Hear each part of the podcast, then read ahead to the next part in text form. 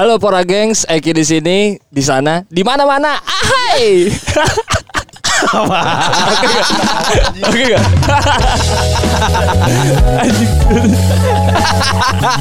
Emang kayak kita salah narasumber hari ini.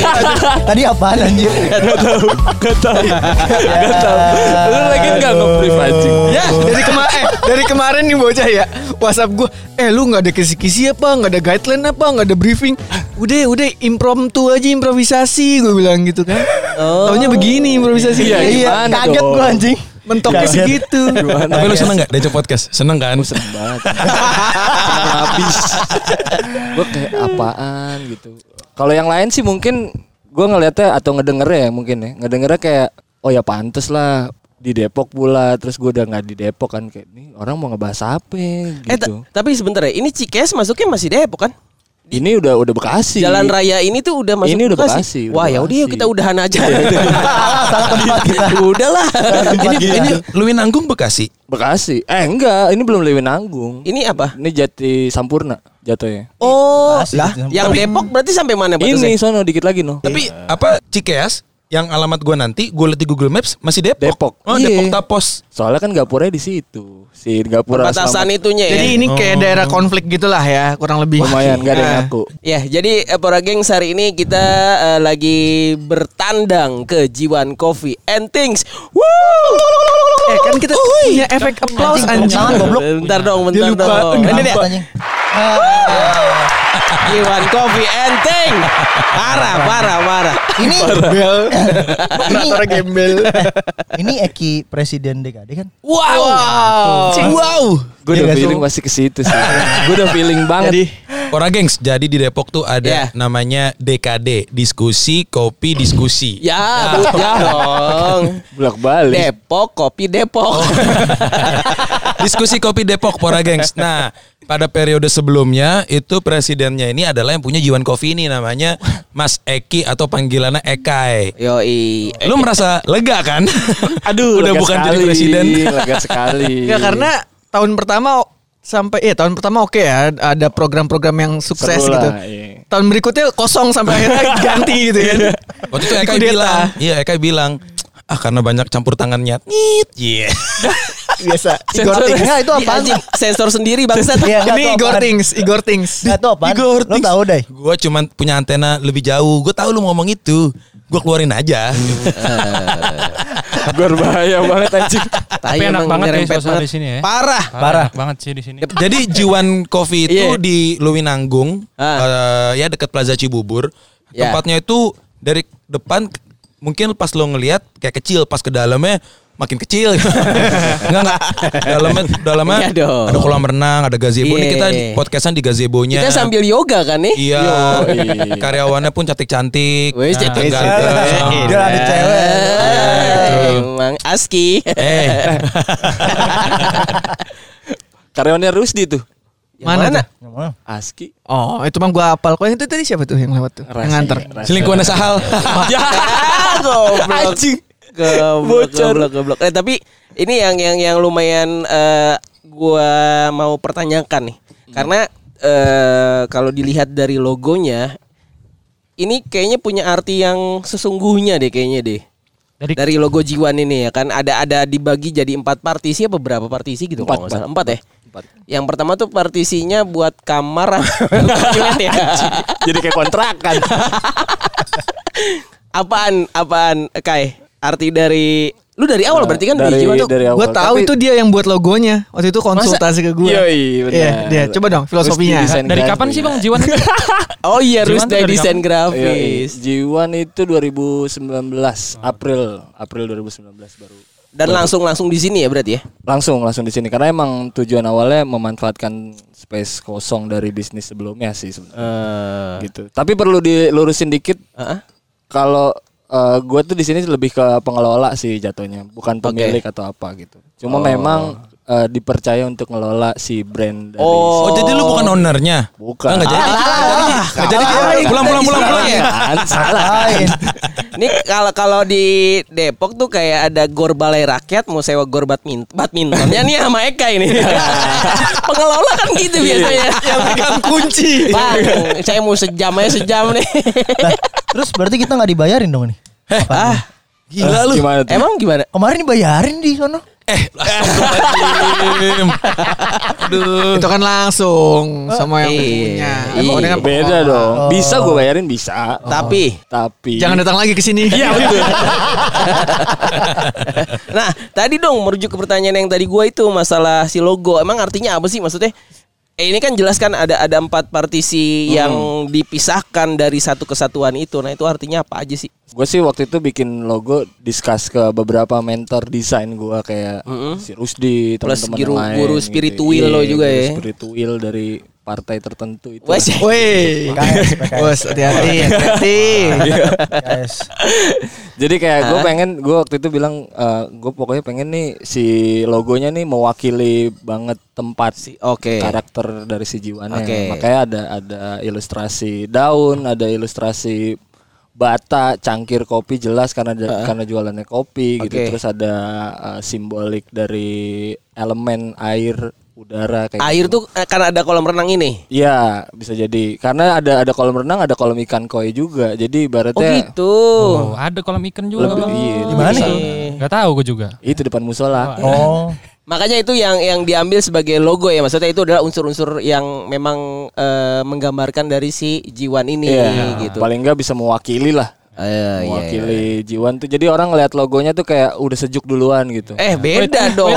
wait, nah, masalah beda lagi. sejuk, Ini gue ini nih ada insight nih. Wah, ada insight nih. Ini Seru sebenarnya. Ini fun fact nih, fun fact. apaan apaan apaan? Eh, Jiwan kapan bukanya? Eh, 12 April. Barengan 12 ya? April 2019. Nggak beda jauh ya? Ya kan? Sejuk tuh Mei 2019. Ah. Ya kan cuma beda Sebulan, Ya. tiga mingguan kan. Ya selinting lah. Ya. Nah, itu sebenarnya Apa? Eka harusnya buka sejuk juga. Eka itu Bukan nyaris sejuk juga jadi gimana maksudnya? jadi salah satu owner sejuk. Iya. Oh, nyaris. Tuh. Awalnya tuh gua jadi bertiga nih kan sama Rusdi sama Eka ya kan. Tapi di perjalanan waktu ya Ek- Eka lagi ngedevelop Jiwan. Oke. Nah, dia mungkin gak mau egois otaknya Pilih salah satu. Iya, jadi dia lebih milih ke Jiwan. Oh, ya maaf Ya deh bang, gitu. nggak bisa kita main sama antum. gitu, gitu. gitu. Kita happy juga sih ternyata Jiwan Wah, semakin oke ke sini banget. Sukses banget. Parah, parah, parah, Amin, parah. amin, amin. Tapi kalau kalau nama sendiri Jiwan itu dari mana sih, Pak? Ah. Sebenarnya. Jiwan itu sebenarnya gue ngambil dari Jiwan Mukti. Jiwan Mukti itu artinya kan sebenarnya si yoganya eh, jiwa yang suci. Oh. Gitu. Itu Sanskritnya Hindu. Sansekerta, Ya, Sansekerta. iya. Sanskertanya Hindu. Jadi kayak apa ya? Ya udah Jiwan aja, Bu. Jadi kayak kurang lebih sebenarnya ya si jiwa gitu.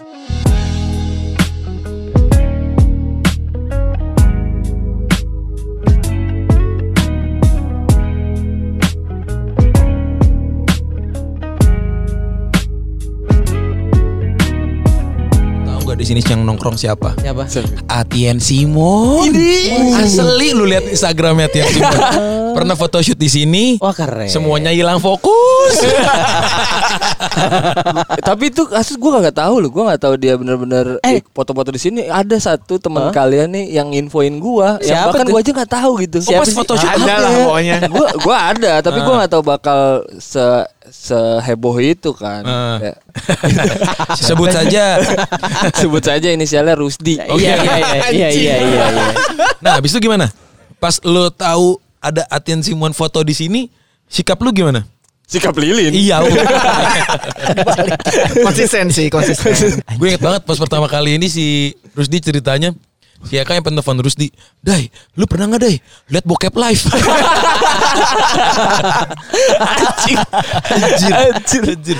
Gak Tapi tahu. kena charge nggak sih kalau foto di sini tuh?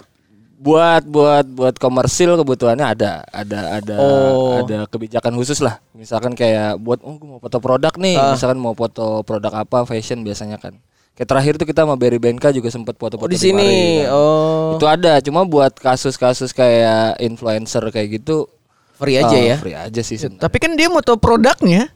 Bener. Maksudnya Produknya baju, baju Simon. gitu maksudnya mungkin Oh, dress. Iya Nggak tahu yang nggak lainnya. sih, juga. Kecuali dia bawa kamera profesional atau gimana?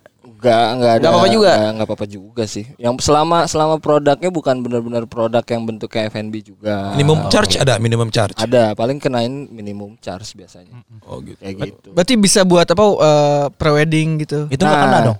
Apa tuh? Nggak kena kan kalau pra wedding, Ah. wedding dan Kalau kalau pra-wedding sih programnya tahun ini udah mulai jalan sih. Oh. Udah ada kayak beberapa. Ini tanggal 27 ada yang pra-wedding di Mari, terus 3 Juli malah nikahan di sini. Oh ya? Di sini? Iya, Wah, ini Tutup, tutup. Ya.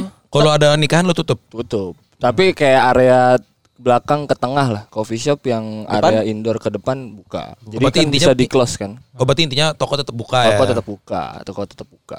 Tapi memang feels like uh, Ubud ya. Apaan sih? Feels like Feels like Ubud, you know? Like, yeah. Ubud vibes. Gua Ya, juga maksudnya- belum pernah anjing lu. Mem- Oh iya. memang Iya lu belum pernah ya? Belum pernah. Gua coba. gue belum pernah ke Bali guys. Oh kan?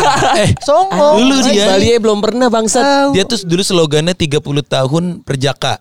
Sekarang 31 tahun belum pernah ke Bali. Emang ih. Apa sih emang? Iya. Kan bisa naik bis dari Lebak Bulus. Anjing nyambung berapa kali bangsat. Bang, Bang Eki, gue Ah. pengen nanya deh, emang eh, dari dulu itu basicnya udah F&B atau eh, Nah. bisnis awalnya tuh apa sih sebelum Jiwan ini terbentuk atau yang pertama itu Jiwan gitu loh? Sebenarnya 2014 tuh gue setahun di Bali itu gue jadi teknisi sebenarnya. Basicnya lebih ke teknis sih. Maksudnya mekanik kayak gitu-gitu. Cuma memang waktu di Bali gue sempat iseng juga part time part time di coffee shop. Itu mekanik kopi apa bukan, mesin kopi enggak mekanik? bukan gue pendingin malah. Oh, iya. Nyambung habis. Mesin- gitu. Oh, Asli teknisi AC. pendingin. Chiller. Chiller, Iya. kayak gitu. Sumpah gue kira bercanda anjir. Ih, Enggak, sama itu makanya. serius, serius, Sama, serius, gua serius, kira juga serius. Tapi dia eh, perusahaannya dia salah satu apa? Transmart apa sih? Iya, Vendor ya? Vendornya Trans Transcorp lah. Ah. Nah waktu itu gue di sana tuh ngebangun Trans Hotel. Wow. Sebenarnya jadi gua Iya, iya, iya. lebih ke instalasi pendingin lah. Terus iseng part-time part-time barista kan. Gue pikir kayaknya lebih seru nih gitu, cocok banget gitu.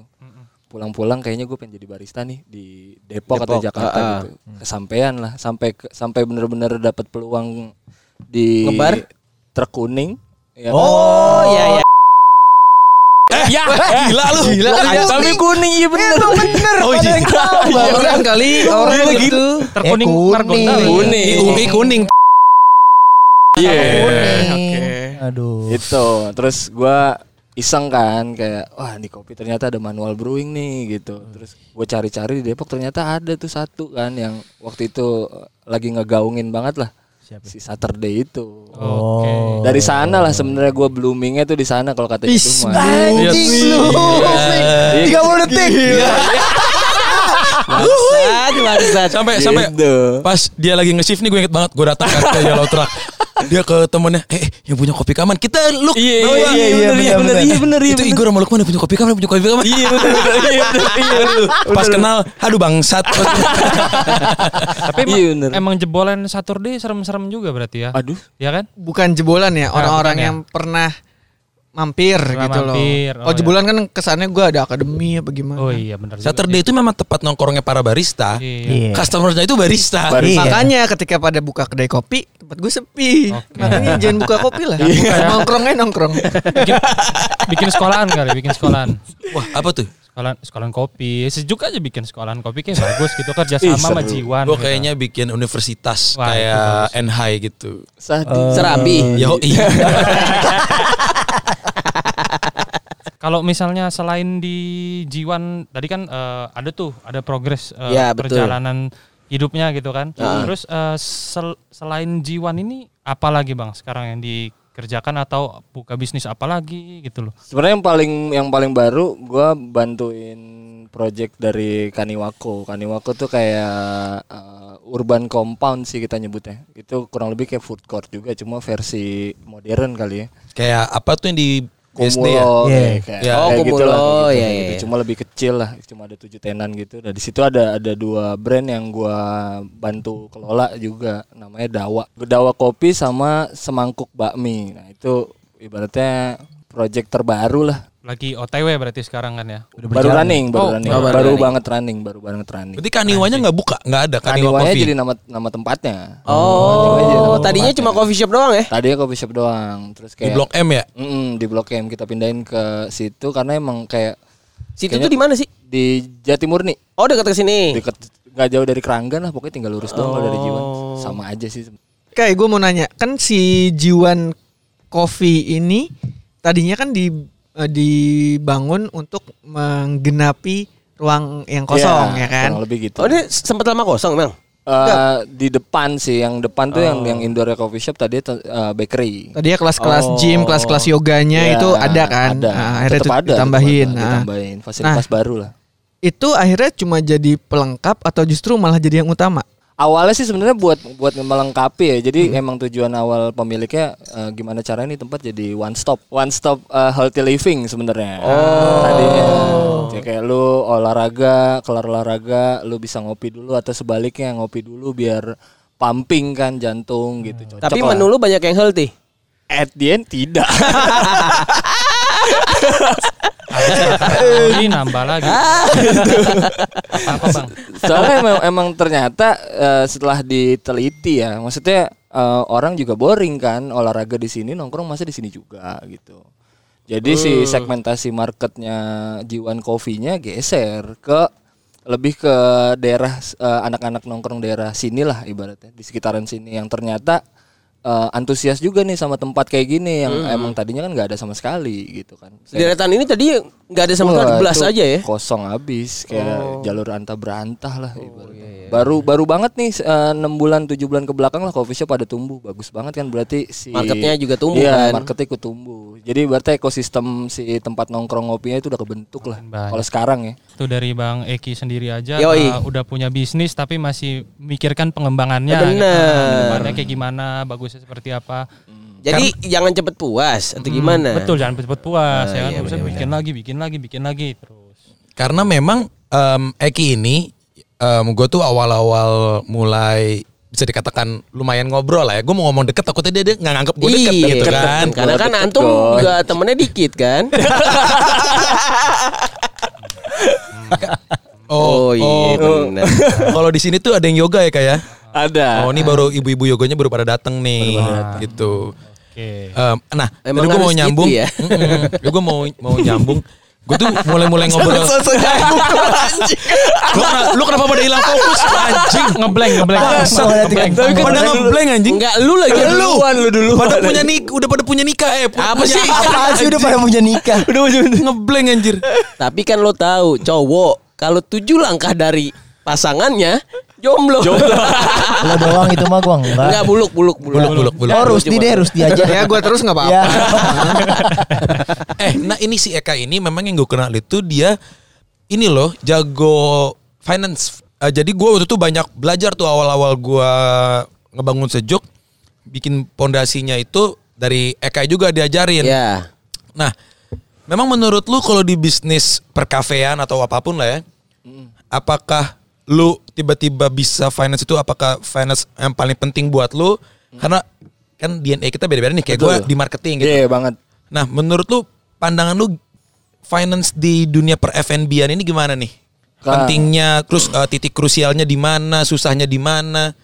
Kalau kalau dari dari gue sih sebenarnya kalau misalkan ditanya belajar dari mana, eh kayaknya teman-teman deket kita juga pada pada tahu lah. Kalau gue tuh gue gue lebih ke kayak gue ngerasa ada ada orang yang biasanya nuntut gurunya bagus. Kalau gurunya nggak bagus, gue nggak nggak bisa belajar apa-apa. Nah kalau gue malah gue menempatkan diri gue jadi murid yang baik. Jadi siapa pun bisa jadi guru gue. Gue ngerasa gitu ya. Jadi akhirnya kayak eh, banyak hal tuh kayak gue belajar Photoshop dari Rusdi. Gue kejar Rusdi terus dah ajarin. Terus gue nyari. Ternyata peluangnya waktu itu kayak wah seru juga nih eh, buat nge- ibaratnya ngelola pembukuan si kedai kopi yang tadinya gue taunya nongkrong doang kan mana gue tahu back back backdoornya tuh kayak gimana gitu ternyata Iya. jelimet banget kan Parah. nah terus itu juga buat gue in- instrumen yang lumayan penting ternyata buat keberlangsungan si idealisme orang-orang yang buka coffee shop Iya, navigasi loh itu finance itu navigasi bisnis bener. banget. Karena gue mikir gini kalau biasanya kan zaman dulu kan kayak orang beridealis banget nih punya ideologi khusus buat coffee shopnya kayak gimana gitu. Bener. Nah gue pikir waktu itu idealisme kita nggak bakal hidup juga kalau bisnisnya nggak jalan kan. Mm-mm. Nah waktu itu di tongkrongan tuh belum ada banget tuh yang banyak pembahasan tentang sehat ya keuangan dan lain sebagainya. nggak Betul sih? banget. Iya. Nah, waktu itu kan belum ada Iya, banget iya. kan. Ngomongnya idealis terus dah pokoknya. Iya, kita Iya. lagi lagi ini banget lah, ibaratnya lagi bergairah banget sama si kopinya, Ya. belum ke back office-nya. Nah, waktu itu mungkin gua gua ngerasa kayaknya gua ngelangkah ke sana nih, mudah-mudahan ada manfaatnya. Dan ternyata bener karena emang waktu itu yang ngulik si finansial kedai kopi jarang. Jadi gua terkesan buat anak-anak juga eh, lebih tahu di bagian finansial padahal nggak juga cuma gara-gara duluan aja sebenarnya sih gitu Lu ngulik sendiri atau lu dapet ilmu dari orang? dari teman-teman juga ujung-ujungnya Ah. kayak waktu itu gue sebut aja deh karena gue bangga banget punya teman-teman kayak catur kan waktu itu ngajarin gue juga. Catur Oh, itu ini, eh, Kipas. Iya. dia lagi viral anjing. Ya, dia tuh eh, manajer ya, finance manager di Eh, Saudagar Sa- Kopi Sa- Sabang. itu di Sa- Saudagar. Oh, ya. Ah, di Sabang gitu. Terus gue belajar banyak lah dari dari dia kayak nih COGS nih nyusunnya kayak gini nih lu ibaratnya eh, biasanya st- ternyata F&B punya standar nih buat COGS-nya Berapa persennya, gitu. minuman gitu kan gue juga oh serius Karena banyak loh ternyata yang yang nggak tahu pas kita tanya Iya. nih kemarin kita keliling-keliling, eh COGS lu minuman lu di berapa? Nggak tahu. Oh yaudah pakai bahasa lain. HPP-nya berapa? Nggak tahu juga. Lah jadi lu nentuin harga gimana? Ya udah misalnya kira-kira em, modal bikin ginian tuh gue tiga ribu. Gue pengen untung lima belas ribu deh ya udah gue jual delapan belas ribu. Anjing yang kalah di. Gitu doang. Gitu doang anjing. Ya mungkin make Gitu it doang. simple. iya iya. Make it simple kali. tapi kan padahal kan COGS itu berpengaruh ke mana-mana kak ya. Sangat sangat sangat sangat banget. Maksudnya contohnya berpengaruh ke mana kak Nah, contohnya coba. itu itu kan layer layer utamanya ya. Maksudnya eh, buat buat lo kalau kalau dari sepengalaman gua sih sebelum lo dapet GP apa tuh kan nggak tahu nih Ah, porage Iya, iya. GP itu apa? GP itu gross gross profit lah Yes, ibaratnya oke. laba laba kotor ya sebelum lo eh, dapat laba kotor kan lo harus ngurangin bahan baku dulu tuh sisanya kan lo punya spare banyak buat opex operational expenditure dan lain sebagainya kayak Nah kalau COGS lu bala yang presentasenya entah Iya, iya, ke mana, iya, iya. gimana caranya lu nentuin eh, cost operasional gitu? Gimana lu tahu lu butuh karyawan berapa dan lu sanggup ngegaji berapa? Iya. Akhirnya kan lu asal aja ngecak ya kayak ah nih anak kayaknya gaji segini aja deh buat part time soalnya duit sih saya segini. Itu kan gara-gara COGS Iya, iya, lu bala kan. Benar. Nah, saya Bener. ngecak ngecak. nice ya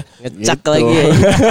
apa namanya em, dengan usaha yang omset kecil gitu ya kita jadi tahu ngeposisiin duitnya tuh ke mana aja Bener. gitu jadi ki- profitnya pun jadi kelihatan kadang omsetnya misalnya nih udah lumayan biasanya coffee shop coffee shop yang lumayan udah mulai maju 4 juta ke atas. Ya. kadang ujungnya nggak nggak kelihatan duitnya. Iya, bener-bener. tapi Ekai bisa nge-manage waktu masih baru-baru ngebangun tuh dari yang sejuta dua juta seharinya kelihatan untungnya ternyata untungnya lumayan nih kalau di manage dengan benar Iya, gitu bener. Pora Geng.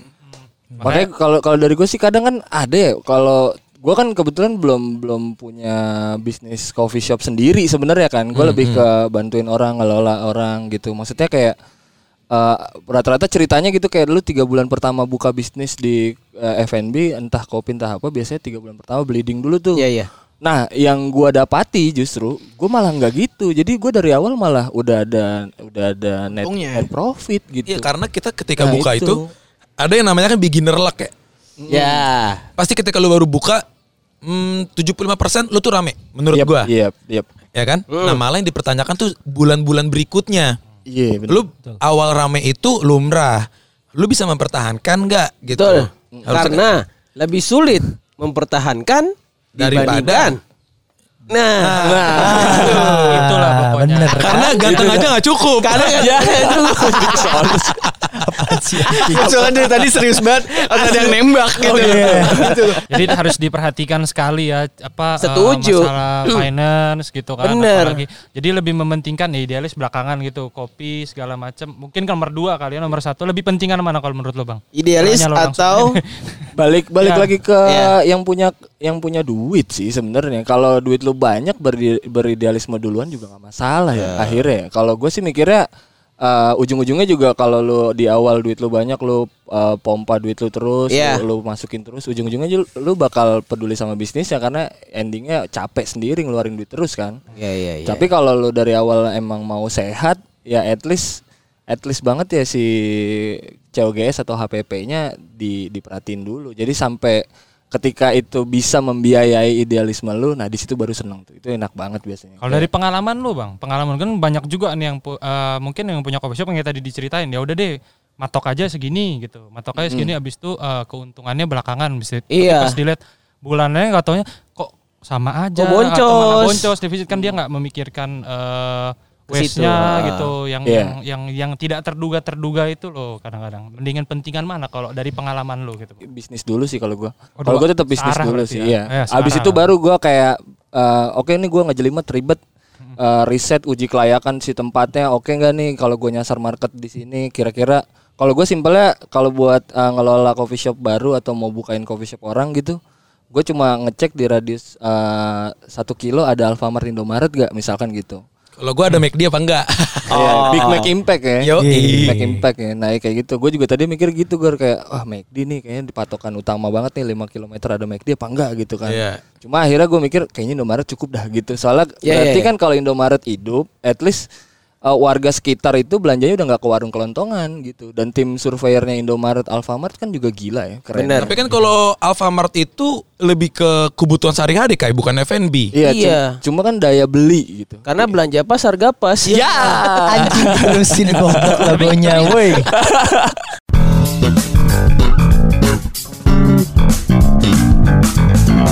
Oh gimana nih bang? Eh, ini kan udah berjalan lumayan ya satu tahun ya. Hampir dua lebih. tahun berarti Hampir ya? dua tahun. Ini ya? dikit lagi 2 tahun. Oh dua 12 tahun. April. Ah. Wah, nah jadi buat pora gengs yang mau makanan dan minuman gratis tanggal Hmm. 12 April ke sini ke Ah, ah, Jiwan. bener itu promosi Iya. apa itu? Oh ya.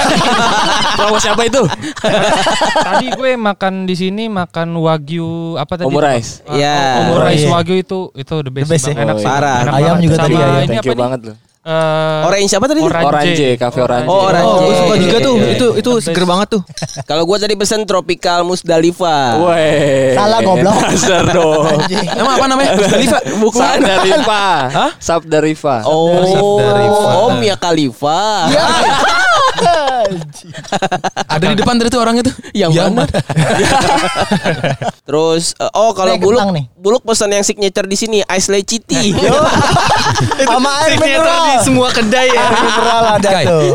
menurut lu market di Depok ini karena kan kita bawa-bawa Depok nih. Iya, bersinggungan juga lah. Iya, Ini bersinggungan sama Depok. Dan kita ini kan. juga hitungannya masih deket Depok lah. Masih, masih, Iya. masih lah masih. market di Depok gimana sih? Enggak cuman buat kopi lah, buat perbisnisan F&B-an nih. Sebenarnya kalau kalau sekarang agak agak agak lucu ya. Maksudnya eh, kayak misalnya di Kelapa Dua di di bom sama rooftop rooftopan gitu. Ah. Gue sih ngelihatnya sayang pegiatnya justru ngalahinnya ke sana gitu. Iya. Harusnya kan maksudnya kalau menurut gua ya baiknya kalau emang industrinya kopi dan tempat nongkrong mungkin ada ada hal lain yang bisa lo angkat mungkin kayak dulu misalkan kayak kita capek-capek tuh edukasi market tentang betapa wahnya si kopi sampai kita jual dengan harga segitu. Itu kan lebih lebih apa ya lebih engage secara langsung sampai bikin mereka royal. Sekarang sih udah nggak udah marketnya udah kurang banget kan udah nggak loyal banget. karena opsinya banyak. Iya betul. Bener. Gitu, opsinya banyak. Kadinnya ada nggak sih di Depok Kadin? Kadin apa tuh? Ka- Kamar dagang apa sih? Oh enggak. Kadin lah yang. Internasional. Gue pernah lihat posternya di ini gitu. dari partainya Rusdi tuh. PKS. PKI. Oh. Kadin Kadin gitu kan. Sebenarnya kalau misalnya Kadinnya itu di Depok itu update gitu ya, terus ngerangkul kita kita semua para Iya. penggiat bisnis bisnis Iya, iya. F&B gini Iya. bisa keren harusnya bener-bener. dipikirin gitu loh karena kita kayak berusaha sendiri apa sendiri Iya. nggak nggak ada em, naviga- Arahnya. arahnya yang Iya. biar bikin kelihatan gitu kalau misalnya di Bogor itu kan kelihatan ya kayak in- Kelihatan. Iya. industri F&B-nya tuh terpusat terus benar-benar di blow up gitu Udah gitu kemarin di Bogor komunitasnya keren loh. Jadi kayak dia eh, Semua keresahan keres- keresahan mereka tentang Covid disampaikan langsung ke wali kota dan Wih. diterima dengan baik. Terus kayak eh, coffee shop dikasih jam buka khusus. Jam Nah, buka itu khusus. loh, di Bogor keren banget gitu. support Kapan Depok habis. begitu, keren, Bang? keren tahu nih Tahu. padahal ya kalau semuanya merata ih gila kita Udah. bangun Margonda tuh pas masuk Margonda tuh kayak masuk ke Dufan. Oh. Sempilan depannya kanan kirinya. Sekarang kan, kan ruko ruko ruko tembok tembok tembok tembok tembok Iya. gitu. Iya. Kurang kurang sehat lah gitu. Udah gitu kalau diperhatiin kan kayak sebenarnya Margonda kan eh, tiap enam bulan sekali kayak jadi lumrah banget ganti brand satu ruko yang sama. Iya bener. Iya kasihan Itu jadinya kan. banget ya. Turnover rate Bener Iya, banget, bener. banget Sewa ya. tinggi banget, gila. Mahal banget anjir sewanya. Nah, Ruko kecil 150 juta Iya, setahun. Gila sih. Ngaco, gitu, anjir. gitu kan ngerinya itu ke pasti kan namanya perkembangan sebuah kota kan dari dari pusat ke pinggir kan. Nah ini kayaknya arahnya udah mau ke pinggir gitu. Iya, si si yang market kayak gitunya terus pemerintahnya juga ngapa-ngapain Tapi juga. tapi kayaknya udah deh Bang, Mar kayak modelan Margonda, Kemang itu udah mulai kan dulu kalau dulu kita boom coffee shop ataupun restoran itu pasti Margonda. Iya. sekitar Iya, Margonda. benar. Atau enggak Kemang ya tadi Iya. dibilang kan. Tapi sekarang itu untuk sekarang ini ya daerah-daerah yang agak-agak belusukan itu malah yang naik yang Iya, Karena bener. ya bosennya udah muncul Ya, kali. karena karena mahal juga kali Satu loh. itu, dua macet pula. Iya, Karena kan ada. ya di titik pusat aja itu Iya, semua iya. segala Iya, macem. Akhirnya orang ngelebar ke samping-samping gitu. Mang Engkingnya masih dicari, boy. Wih Mangking masih Eh, situ-situ Bulan puasa kan? Bener. Bulan puasa dicari. Iya. Woi. Ama Mangkabayan. Nah, yang sama bukanya kalau bulan puasa tapi tapi gue gue sebenarnya dari dulu tuh penasaran ya.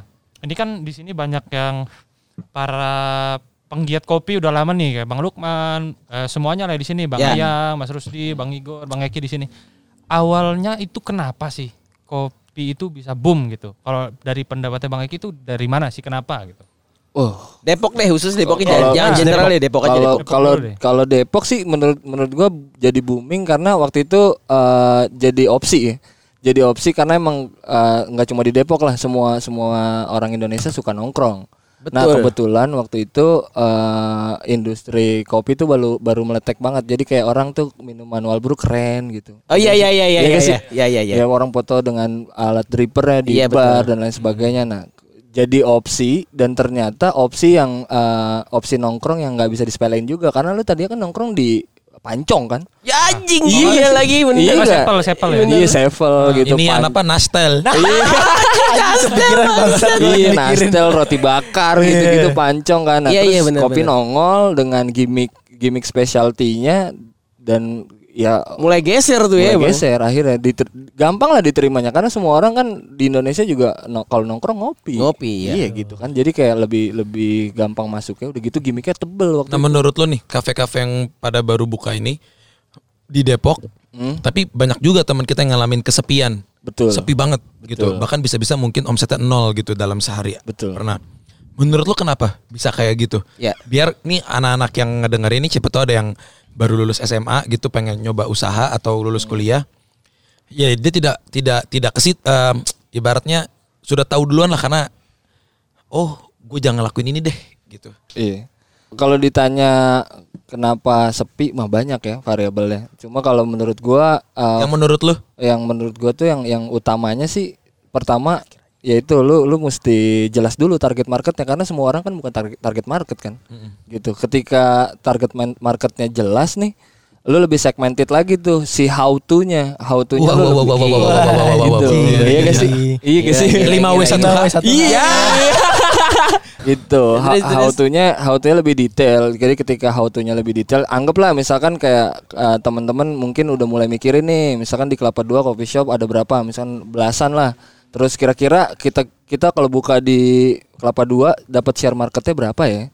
gitu. Terus dengan seating yang ada, kira-kira kita bisa memaksimalkan eh, dari share market yang di Kelapa Dua nggak nih? Gitu. Iya. Seating kita bisa penuh nggak gitu? Karena kan nge-spread banget. Udah gitu sekarang kan udah ke RTM dan lain sebagainya, Bener. pelosok-pelosok gitu. Bener bener. Biasanya kan momen eh, boomnya coffee shop buka banyak gitu. Kita sih pengennya yang ngopi juga ikut banyak, pasti. Iya dong. Tapi kan harusnya. ada habisnya pak, gitu. Betul. Maksudnya pasti ada habisnya. Ketika semua orang udah eh, supply-nya udah ketinggian, demand-nya nggak ada, jadinya begitu. Iya, iya, iya, gitu. iya. Kalau menurut gue sih. Dan kayak gini juga ya. Jadi kita kadang-kadang buka coffee shop nih. Pengennya kan em, laris gitu ya. Yep. Terus karena segala macam halnya untuk meningkatkan omset karena di dine in sepi, ide satu-satunya adalah paling gua bikin online nih, bikin Yeah. GrabFood, GoFood. Tapi lo harus sadar ini Depok. Ya. Bukan tempatnya orang nge-GoFoodin, nge-GrabFoodin kopi. Iya betul. Ya nggak? Isi betul banget. Mungkin yang paling cocok adalah kopi susu doang. Iya, udah itu. Iya, di Jakarta aja susah orang apa namanya kita buka di Jakarta terus eh, orang mau grab foodin eh, cappuccino, long black Iya. gitu-gitu. Gimana di Kurang Depok yang bukan tempat iya. kerja gitu. Jadi mungkin kalian ini harus mencari hal lain yang bikin orang tuh mau nge-grab foodin atau nge- nge-go foodin em, dagangan lu gitu. Karena kalau lu ujung-ujungnya yang lu jual menunya di semua coffee shop kan pasti paling atas tuh espresso, nomor dua long black, nomor tiga cafe latte, cappuccino, piccolo, Iya. rentetannya itu pasti kan di semua coffee shop. Itu bukan menu-menu go foodable, grab foodable, Sangat. ya kan? Jadi lo harus nyari sesuatu yang biar kebeli dagangan lo dari rumah-rumah karena 60% tuh customer lo itu kalau di Depok ya rumah. Di sini kantornya nggak ada di Depok. Ada, bener. Adanya pe- pe- yang kerja di mall, yang kerja di Ya. apa namanya rumah sakit gitu-gitu nggak nggak ada yang uh, kantor eks- eksekutif gitu nggak ada, jarang lah. jarang banget gitu eh ya mungkin salah satu faktornya itu itu juga ya maksudnya berarti si si produknya menurut lu berarti kurang memenuhi eh, kemauan pasar gitu ya Betul, Iya tapi sih? terus aja dibikin. Iya, itu iya, loh, bingung. benar, benar, Bukannya benar. bingung gue.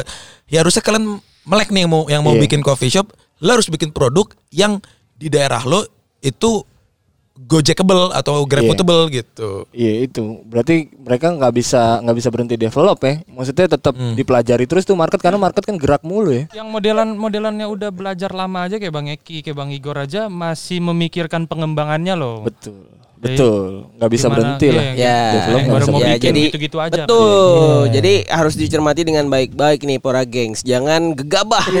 Itulah tadi eh, obrolan malam seputar seks bersama Ekai. Ekai Simon. Ya, Ekai Lagi yang Simon. eh, lagi yang begini-begini diturunin jadi presiden. Pal keren banget ya. Thank you ya Kai. Yo sama-sama terima kasih banyak bye bye